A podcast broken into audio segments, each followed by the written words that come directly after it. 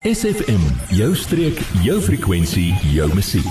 Ek gesels nou met Werner oor die Iron 70.3.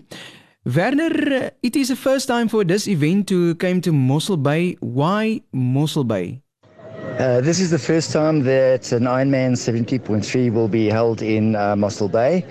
Um, we're very excited about it. Um, Mossel Bay is a great venue, uh, situated halfway uh, between Port Elizabeth and Cape Town, with access to the um, George Airport, and it has a great tourist offering and it's got a good setting for a great Ironman 70.3 course. Werner, can you also tell the listeners what can locals expect to see in the lead up to the event itself? Uh, with the build up of the event, uh, what the people of Mossel Bay will see first of all is from the weekend prior to that, are containers arriving with uh, infrastructure in them.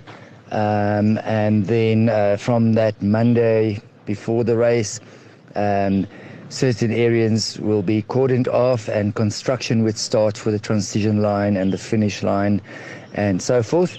Um, so uh, that will impact the Bakke and the point. The Ironman 70.3 Werner, what makes uh, this event so unique? An Ironman 70.3 is uh, what used to be called a half Ironman. So it's a half Ironman distance triathlon, which consists of a 1.9 kilometer swim, a 90 kilometer bike, and a 21 kilometer run.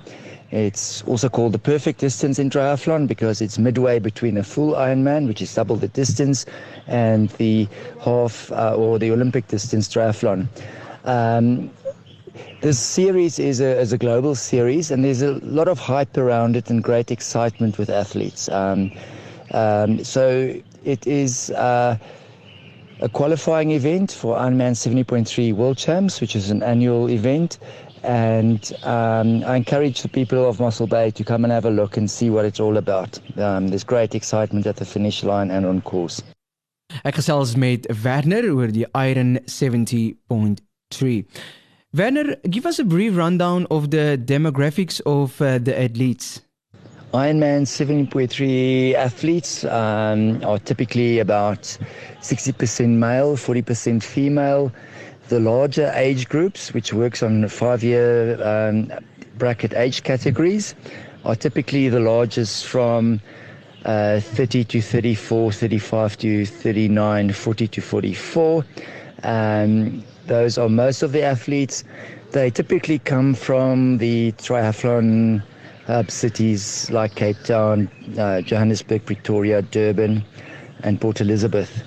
Um, there are some international athletes that will come as age groupers. And then besides the age groupers, there's another category called uh, professional. Uh, and um, those are male and females who basically compete for prize money and um, they are a great addition to the Ironman 70.3 Mossel Bay, which will add to the hype and the excitement. Can you also tell our listeners what does the event entail from a logistics perspective? Example, medical crews, standby teams? The um, logistical arrangements around an Ironman or Ironman 70.3 is huge. Um, there's a lot of infrastructure that goes in, sound, light, a lot of catering, a lot of tents. Um, there's a lot of aid station product. Um, there's a lot of infrastructure around the finish line. There is a lot of infrastructure in the transition, and that is where athletes uh, transition from the swim to the bike and from the bike to the run. Um, each bike needs a parking space. In the transition area, uh, there's two sets of back bike uh, racks, and uh, where the athletes keep their clothing um, from when they come in from the swim, where their run clothing is in, and then also another bag for the run clothing where they change into the run gear when they come in from the bike. Um, so there's a lot of things that has to go in. That's besides the uh, registration venue and the awards dinner venue.